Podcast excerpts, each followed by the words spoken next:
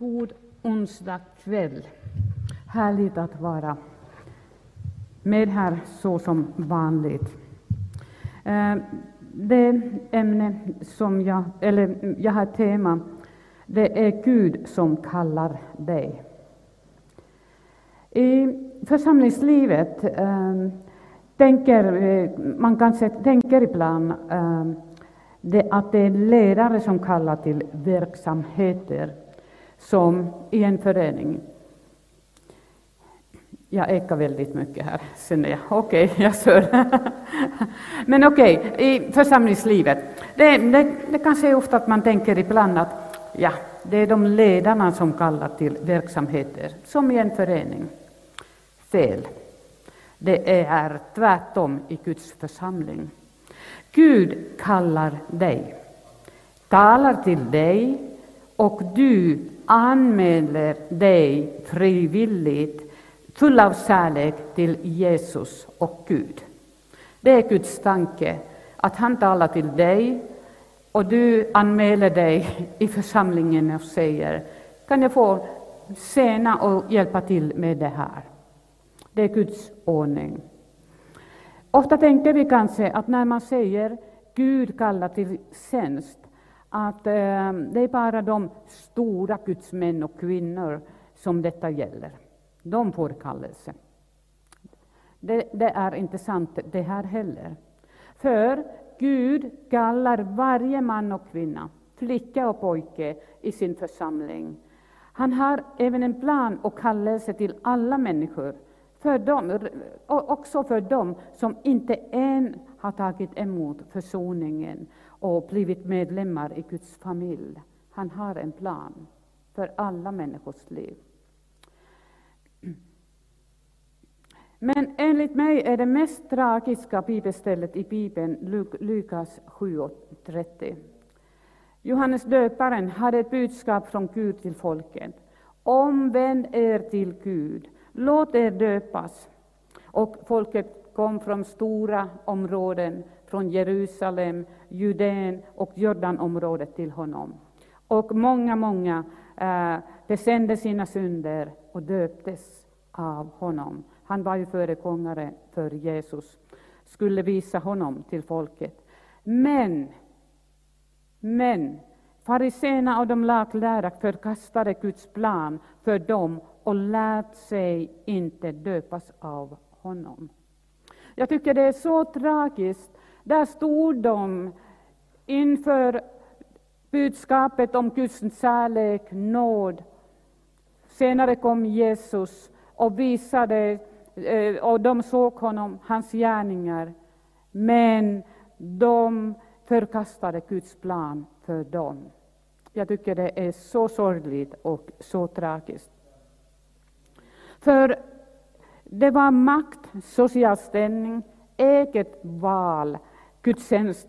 Jag bestämmer hur jag vill tjäna Gud, som styrde dem, det stora jaget. Mänskliga traditioner behagligare och bättre. Idag, ikväll, kallar Gud till tjänst. Vi läser från Efesierbrevet 4, 11 och 12. Och eh, Jesus han gav några eh, till apostlar, andra till profeter, andra till evangelister och andra till herdar och lärare, alltså till församlingen, för att utrusta de heliga till att fullgöra sin tjänst att bygga upp Kristi kropp. Här kallas eh, de troende de heliga. De skulle utrustas för att för uppdraget från Gud. Vem är då församlingen? Det blir lite diffust när vi säger församlingen och församlingar.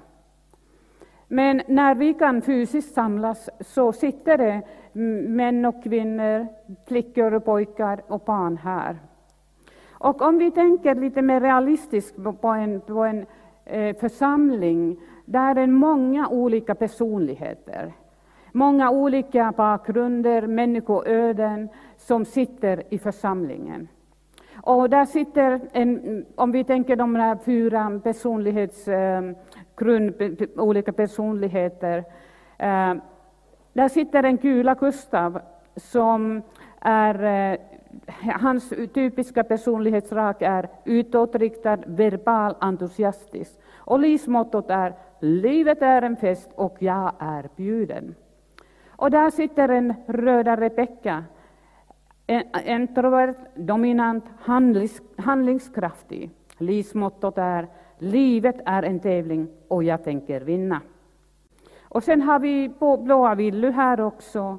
Eh, och hans eh, typiska personlighetsdrag är blicktrogen, diplomatisk, noggrann, tydlig, kritisk, konservativ. Och livsmottot hellre rätt än fot. Och sen har vi Gröna Gabriella. Typiska personlighetsdrag är vänlig, tjänstvillig, lagspelare, tålmodig och lojal. Och livsmottot är en sak i taget. När vi lyssnar på det här och tänker till exempel blåa Billy och röda Rebecka ska, ska samarbeta. Eh, livet är en tävling och jag tänker vinna. Och sen hellre rätt än fot. Hmm. Det kan lätt bli lite konfrontation och lite knissel och svårigheter att samarbeta. Men det är bra att vi vet, eh, jag tog ju det här på nätet, eh, utbildning.se, bara en sån här grund, grundtanke om olika personligheter. Men det är bra att vi vet att i, i församlingen vi är olika personligheter. Eh, och det som styr oss, hur vi tänker, hur vi agerar, olika gåvor. Och det är ju jättebra. Men sen har vi också vi som tillhör församlingen, Guds familj, har vi någonting utöver det här.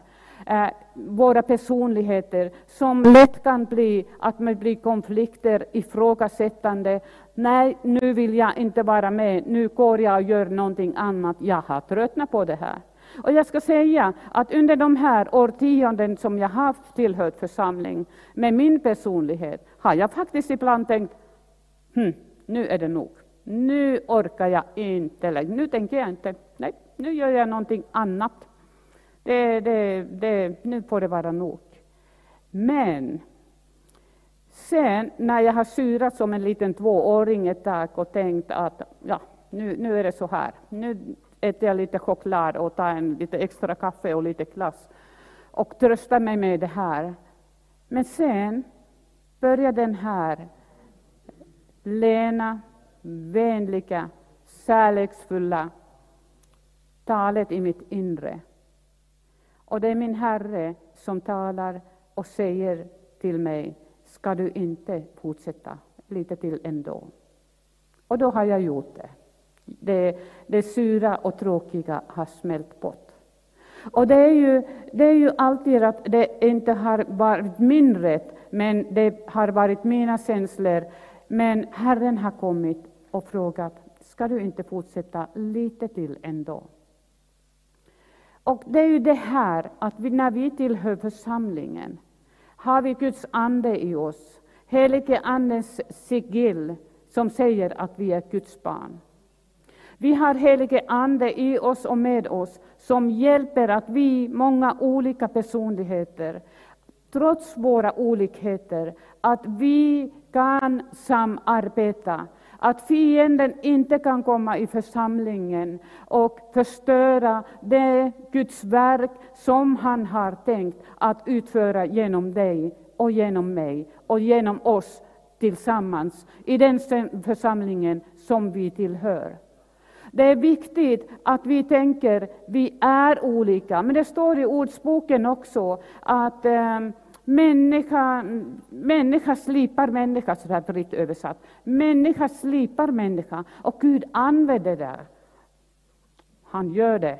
Det känns inte så bra när man slipas, men han gör det för att en av helige Andens eh, arbetsuppgifter är att vi slipas, att vi är inte de här tvååringar som mm, bara tänker nu vill jag inte vara med. Utan vi blir mer och mer lika Jesus Kristus. Hans kärlek, hans tålamod. Och att vi förlåter varandra så som Gud har förlåtit oss. Och det står faktiskt i Bibeln att den som eh, inte älskar sin broder eller syster kan inte älska Gud. Så viktigt är det.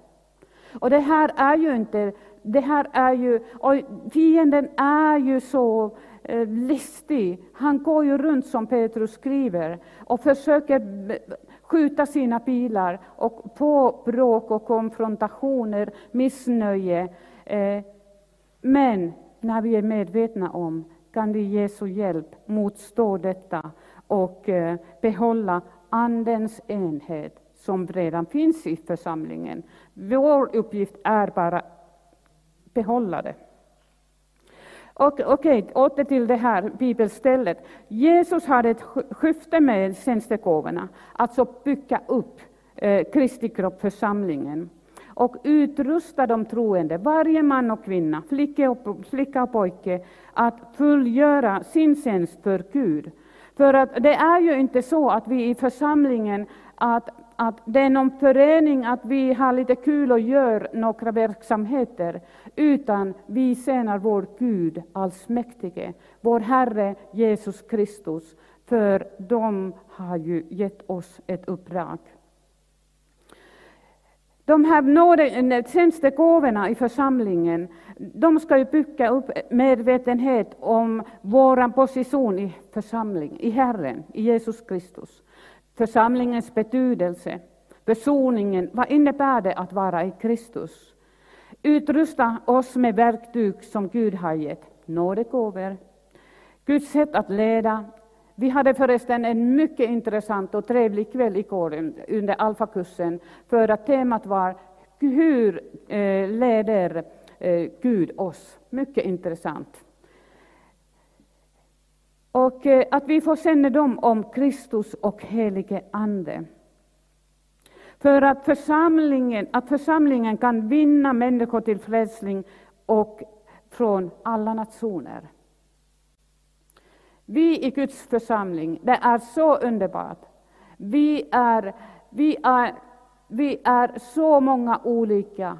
Vi är vita och vi har mörkare hud och alla härliga nyanser däremellan. Vi är korta och vi är långa. Vi har olika personligheter, men vi är Guds älskade barn.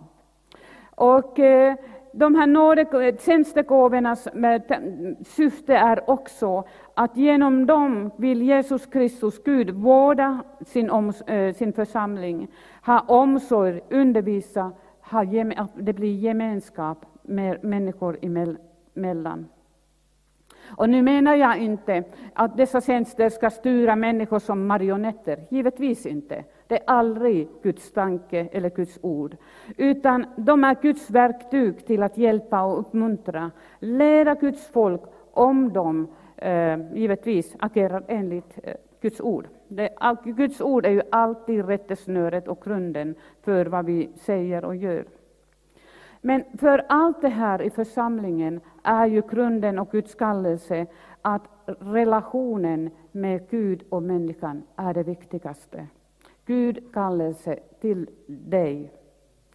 Varje människa, du och jag, vi ansvarar inför Gud att, att vi, om vi lyder honom. Och en dag inför Kristi domstol, då är det inte om frälsningen, utan om det, hur har vi lyssnat till Jesus Kristus? Om vi har velat lyda honom, följa efter honom, eh, sena honom, besena människor. Där är det räkenskap om det, om, om vi får lön eller inte. Jag tror att det är en viktig dag. Alla vill ju ha lön, eller hur? Och eh, då är det det visaste och det bästa, speciellt nu när jag tror och många tror att Jesu återkomst är så nära, att vi börjar sätta in på sallot i, i himmelen, om jag nu använder de här orden. Det, det, att vi inte håller på med oväsentligheter, när vi ser världens situation så som det är nu, att vi glömmer alla oväsentlighet och satsar på det som Gud visar oss till, hur, vad vi ska göra. Och det är ju så att om man känner att nej men det är ju för mycket, jag blir ju utbränd, det är ju alldeles för mycket att göra, då springer man på sina egna vägar. När Jesus Kristus i sin församling leder oss, då ger han precis rätt mängd av arbetsuppgifter, aldrig så att det blir för översträngt. Att man arbetar med sin, med sin eh, eller riskerar sin hälsa. Och när vi kommer till församlingen säger Paulus, alla borde ha något att ge när man kommer tillsammans. Alla församling, för, församlingsmedlemmar hade full rätt att låta den helige Ande uppenbara sig genom till uppbyggelse. Det är en rikedom när, när helige Ande får uppenbara sig genom en psalm, en undervisning, en uppenbarelse, ett tungotal och en uttydning.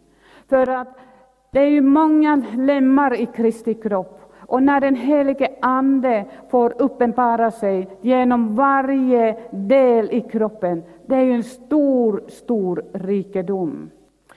Pastor Christian Mölk hade idag, eller jag såg den idag, en mycket intressant eh, skrivelse på sin Facebook-sida. Den är offentlig så ni kan läsa den. Just om församlingen, hur han brinner för det, att alla får bli delaktiga. Att man kan komma till honom och säga, hej, jag skulle vilja jag skulle vilja tjäna med det här. Jag har de här gåvorna, kan jag hjälpa till? Och att många får göra det i församlingen. För att det blir sån värme och kärlek när vi säger till, får jag hjälpa till?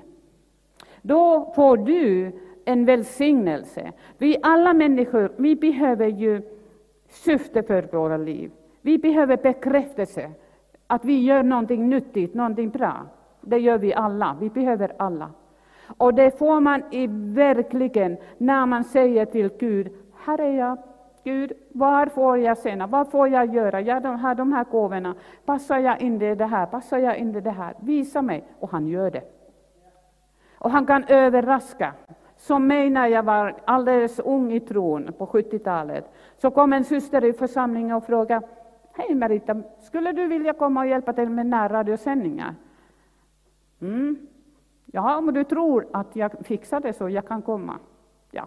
Och på den tiden trodde jag att jag skulle fixa alla jul, att eh, jag borde hitta på alla jul. Så gjorde jag alla program och läste och läste och läste Bibeln. Och det var ju väldigt nyttigt för mig. Gud leder oss på olika sätt. Så var inte blyg. Kom och säg, hej, hur får jag hjälpa till? Jag tänkte så här. Eller en viktig fråga för oss, vem tillhör du? Vems namn står skrivet på dig? Vad läser folk av om dig? Många vill få efterföljelse idag, vår efterföljelse idag. Vi, det, det flödar ju in från alla tuter, det bara flödar in info, information, lockelser. Många vill få vår uppmärksamhet, tid, tankevärld, uppskattning och godkännande, mottagande av influenser. Och de visar ju, när vi läser och tittar på sociala medier, när vi tittar och läser tidningar, när vi kollar på TV, tittar på TV, det är en helt annan människobild och värde än vad vi hör vad som gäller i Guds rike. Nummerboken eh, 6, 2, vers 2 upp till och med 5. Det är en, en, en, en svår tid återigen i Israels liv, eller folkets liv. De hade inte eh, lytt eller följt eh, besenat Gud och Midianiternas hand pressade Israel så starkt att Israels barn på grund av midianiterna gjorde sig hålor uppe i bergen och grottor och bergfästen. Närhelst israeliterna hade sått drog midianiterna amalekiterna och österlänningarna upp mot dem. De belägrade dem, överföll dem och fördärvade landets gröda ända till Gaza. De lämnade inget kvar att leva av i Israel, varken får, oxar eller åsnor. För de drog dit upp med sitt, sin boskap och sina tält, talrika som gräshoppor, oräkneliga var de med sina kameler, och de kom in i landet för att fördärva det. Detta var en tragisk, tragisk eh, historisk stund, eh, stund i Israels liv. Och när de levde i den här situationen skickade Gud en profet till dem, som berättade för dem, det här och det här och det här har jag gjort för er. Och att jag sa det till, säger Gud, ni ska inte frukta de gudar som dyrkas av amorena, i vilkas land ni bor. Men ni lyssnade inte till min röst. Och därmed blev följden att eh, midjaniterna kom och orsakade den här förstörelsen som vi läste här. Israeliterna gömde sig i grottor och hålor uppe i bergen. De gömde sig där för fienden var så hård på dem. Och det berättas om Gideon lite längre fram i det här kapitlet, hur han, han, han eh, höll på att tröska och eh, det, borde, det gjorde man ju vanligen på en kulle, men, men den, ja, han höll på att klappa ut vete i vinpressen. Alltså en alldeles omöjlig ställe och plats, bara för att gömma sig för fienden. Och på samma sätt idag är Guds församling, folk, omringad av världen. Och den här världen som är i den undens våld, och hans folk härjar och förstör världen. Hatretorik på sociala medier, hård samhällsklimat, individualism. Du är värde, unna dig din rätt, ditt liv. När Guds tanke är älska din nästa som dig själv. Visa hänsyn, kärlek, omsorg. Roffa bara inte åt dig. Bli inte rik bara på andras bekostnad. Gör inte saker som skadar människor, din nästa. Kriminalitet härjar som orsakas av många olika orsaker. Den onde härjar i världen till en viss gräns när det blir slut. Men den vill till intet göra Jesu Kristi kropp församlingen i världen. Församlingen som har en uppdrag att gå ut över världen till alla nationer, till alla människor och berätta om att det finns en frälsning i Jesus Kristus. Det finns hopp för det här livet, det finns hopp för evigheten, för eviga livet.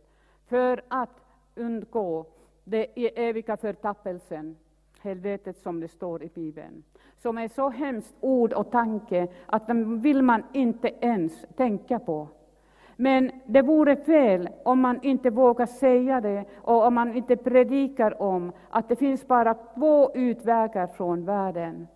Och därför måste vi be, som det är bönekväll, att vi ber att församlingen får vara en stark ljus, stark kraft i, mitt i världen, mitt i hatet och eländet och krig och allt som ingår, för att så många som möjligt kan bli frälsta.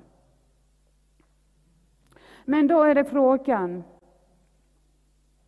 när vi lever i ett samhälle, sekulariserat land, man vill utrota kristendomen i det officiella rummet, starka åsikter gentemot Guds ord, kristna värderingar och mycket, mycket mer. Hånskratt, förakt, till och med fysisk hat, tortyr i vissa länder, förföljelse. Frågan till oss är, vågar du visa vem du tillhör?